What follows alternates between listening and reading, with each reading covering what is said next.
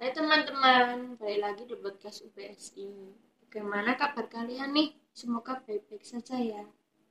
Perkenalkan, saya Wulan dan tentunya saya tidak sendirian.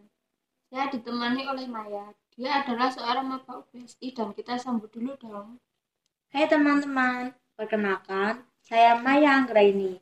Saya maba dari Universitas Bina Sarana Informatika Kampus Surakarta. Kali ini kita akan membahas sekilas tentang cara menjadi maba di Universitas Bina Sarana Informatika. Nah, Kak, program studi apa saja sih yang ada di Universitas Bina Sarana Informatika?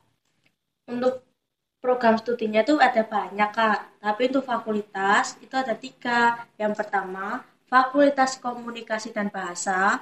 Yang kedua, Fakultas Ekonomi dan Bisnis. Dan yang ketiga, Fakultas Teknik dan Informatika. Untuk saya sendiri, saya ada di Fakultas Teknik dan Informatika yang ada 8 program studi, Kak. Yang pertama, Sistem Informasi Akuntansi, yang kedua, Teknologi Komputer, yang ketiga, Teknologi Informasi, yang keempat, Rekayasa Perangkat Lunak, yang kelima, Ilmu Komputer, yang keenam, Sistem Informasi, yang ketujuh, Teknik Industri, yang kedelapan, Teknik Elektro, dan saya sendiri ada di program studi Sistem Informasi Akuntansi, Kak. Wow, ternyata ada banyak pilihan program studi di Universitas Bina Sarana Informatika. Jadi teman-teman bisa memilih program studi yang diminati. Lalu apa saja Kak syarat untuk menjadi maba UPSI? Syaratnya itu sangat mudah loh, Kak. Yang pertama, lulusan SLTA atau sederajat. Yang kedua, lulusan ujian saringan penerimaan mahasiswa baru. Yang ketiga, membayar pendaftaran untuk D3-nya Kak 200 ribu, untuk S1 250 ribu. Terus harus mengisi formulir pendaftaran secara online, scan KTP, akte kelahiran, dan kartu keluarga. Scan ijazah bolak-balik Kak untuk lulusan SLTA terbaru. Dan wajib menggunakan laptop atau netbook Kak. Syaratnya juga mudah nih teman-teman.